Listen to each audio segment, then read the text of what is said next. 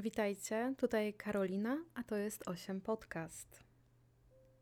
Joanna Young urodziła się w 1978 roku, a jej rodzicami byli Robert i Carol Young. Miała ona dwoje rodzeństwa, brata Daniela oraz siostrę Emmę. Poza tym, że rodzina mieszkała w Norfolk, niestety nie mogę Wam powiedzieć o Joannie nic więcej, ponieważ więcej nie ma o niej dostępnych żadnych innych informacji i będzie to historia z gatunku tych krótszych, niestety. A nie rozwodząc się głębiej i dłużej, przejdę po prostu do tego, co stało się 23 grudnia 1992 roku. Joanna tego dnia wyszła z domu rodzinnego o godzinie 19.30 i już nigdy nie wróciła. Kiedy dziewczyna nie pojawiła się na noc w domu, jej rodzice założyli, że jest z przyjaciółmi albo spędza tę noc ze swoim chłopakiem, Ryanem Firmanem. Kiedy jednak nie było jej dalej w domu następnego dnia, lokalna policja została zaalarmowana o tej sytuacji. Jej częściowo ubrane ciało, pokryte zadrapaniami, zostało znalezione leżące w wodzie dnia 26 grudnia tego samego roku, niedaleko Griston Road w Watton. Znaleziska dokonał mężczyzna, który wyprowadzał na spacer swojego psa, zaraz po tym jak pies odnalazł w zaroślach but dziewczyny. But leżał w niedalekiej odległości od ciała nastolatki. Wykonana sekcja zwłok ujawniła, że dziewczyna zmarła w wyniku utonięcia. Podczas sekcji patolog odkrył także, że Joanna miała pękniętą czaszkę, z powodu braku śladów wykluczony został motyw seksualny. Wkrótce po odnalezieniu ciała Joanny do lokalnej gazety Eastern Daily Press został wysłany tajemniczy list zawierający rysunek dziewczyny, młodzieńca, motocykl, datę oraz nazwę Griston Road. I teraz możecie ten rysunek zobaczyć przed oczami. Jeden ze świadków zeznał, że widział młodą dziewczynę, która kłóciła się z mężczyzną siedzącym w samochodzie typu van. Kłótnia miała mieć miejsce na skrzyżowaniu Griston Road i Norwich Road w Watton, czyli bardzo blisko miejsca, w którym kilka dni później zostało odnalezione ciało Joanny. Świadek, 27-letni wtedy mężczyzna, powiedział, że kiedy jechał do domu około 21.30, Przejeżdżając przez skrzyżowanie, widział mężczyznę siedzącego w furgonetce o kolorze srebrnym. Mężczyzna kłócił się z dziewczyną, a świadek zeznał, że słyszał podniesione głosy oraz bardzo żywą gestykulację. Jak się okazało, świadek znał Joannę z widzenia, a jeśli chodzi o mężczyznę, z którym się kłóciła, no to niestety nie widział wcześniej jego twarzy, ale kojarzył furgonetkę i przekazał policji dane prawdopodobnego właściciela vana.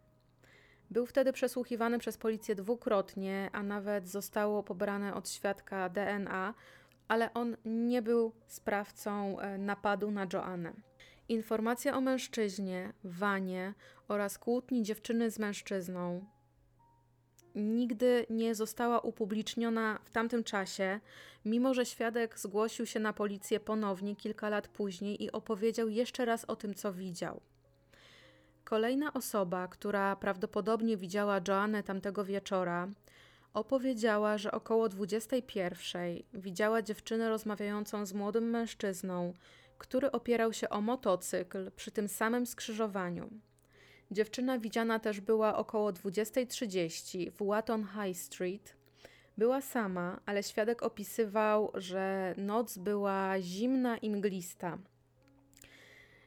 Jan Godfrey, zastępca dyrektora ze szkoły Wayland High, zeznał później, że pamięta, że w noc zaginięcia Joanny do szkoły ktoś się włamał. Ówczesny rzecznik policji Peter Welmsley powiedział, że nie pamięta, by ktokolwiek zgłosił na posterunek policji informację o włamaniu. Jan opowiedziała, że uważa, że dozorca zgłosił włamanie na policję, jednak nie ma stuprocentowej pewności. Było to o tyle ważne, że według policji za pozbawieniem życia Joanny mógł stać uczeń lub były uczeń szkoły. Lokalna policja śledztwem objęła mężczyzn Norfolk, nawet trzy osoby zostały aresztowane i przesłuchane, jednak finalnie nie zostały im pozbawione żadne zarzuty. Co do policji w Norfolk, zaczęły pojawiać się podejrzenia odnośnie jej działania, kiedy jeden ze świadków został poproszony przez śledczego o zmianę zeznań i manipulowanie przy dowodach. Sprawa dotyczyła zeznań Vivian i Adriana Sellers, u których Joanna pracowała w weekendy i w święta dorywczo. Małżeństwo prowadziło firmę taksówkową, a dziewczyna miała się zjawić w pracy 23 grudnia rano. Tej nocy Adrian wraz z synem kursowali w różnych miejscach, a obaj jeździli czerwonymi samochodami kombi. Poproszono ich o złożenie zeznań oraz przekazanie dzienników kursów taksówek. A następnie jeden ze śledczych próbował nakłonić mężczyzn, żeby zmienili godziny w dziennikach kursów, a wszystko po to, by zmienione dane pasowały do narracji policji. Nie jest jasne, czemu policja naciskała na manipulacje przy dowodach, bo żaden z funkcjonariuszy nigdy się do tego nie odniósł. W toku śledztwa pojawił się jeszcze jeden świadek, koleżanka Joanny, i zeznała, że widziała ją w okolicy Watton High Street w noc zaginięcia. Powiedziała, że nastolatka wyglądała na mocno przygnębioną, a rzekomo miało to związek z rozstaniem jakie przeżyła ze swoim chłopakiem Ryanem, do którego miało dojść około dwa dni wcześniej. Ryan też został przesłuchany przez policję, ale bardzo szybko wykluczono go z grona podejrzanych, bo chłopak miał alibi na tę noc. Rzecznik policji powiedział, że wierzy, że Joanna wyszła na imprezę w noc przed zaginięciem i została podwieziona przez taksówkę niedaleko jej domu.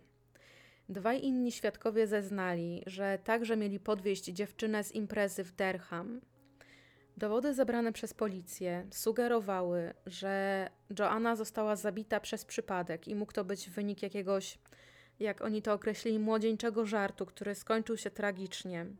Funkcjonariusze uważali, że Joanna upadła, uderzyła się w głowę i straciła przytomność, a potem została przez dwie osoby za ręce i nogi przeciągnięta w miejsce, w którym została znaleziona i rzekomo według domniemań policji miała jeszcze wtedy żyć. Rzecznik zaznaczył też, że policja powinna sklasyfikować wypadek jako nieumyślne spowodowanie śmierci niż jako celowe zdarzenie, ponieważ jest szansa, że wtedy mogłoby zgłosić się więcej ludzi, którzy cokolwiek wiedzieli o tej sprawie. To, co jest jeszcze dosyć interesujące, to to, że w chwili, gdy ciało Joanny zostało odnalezione, yy, Joanna nie miała na sobie jeansów. Znalazły się one dopiero 19 stycznia 1993 roku, blisko miejsca odnalezienia, jednak były kompletnie wyczyszczone i kompletnie wyprane, także niemożliwym było wyciągnięcie z nich jakichkolwiek śladów DNA. Prawdopodobnie zabójca wierzył, że jego ślady DNA są na jeansach, dlatego je zabrał. W pobliżu odnalezienia ciała Joanny nie było żadnych śladów walki, co też sugerowało, że buty i bielizna została ściągnięta z dziewczyny, kiedy już była nieprzytomna. W 2014 roku zostały aresztowane i zwolnione z powodu braku powiązania ze sprawą dwie osoby.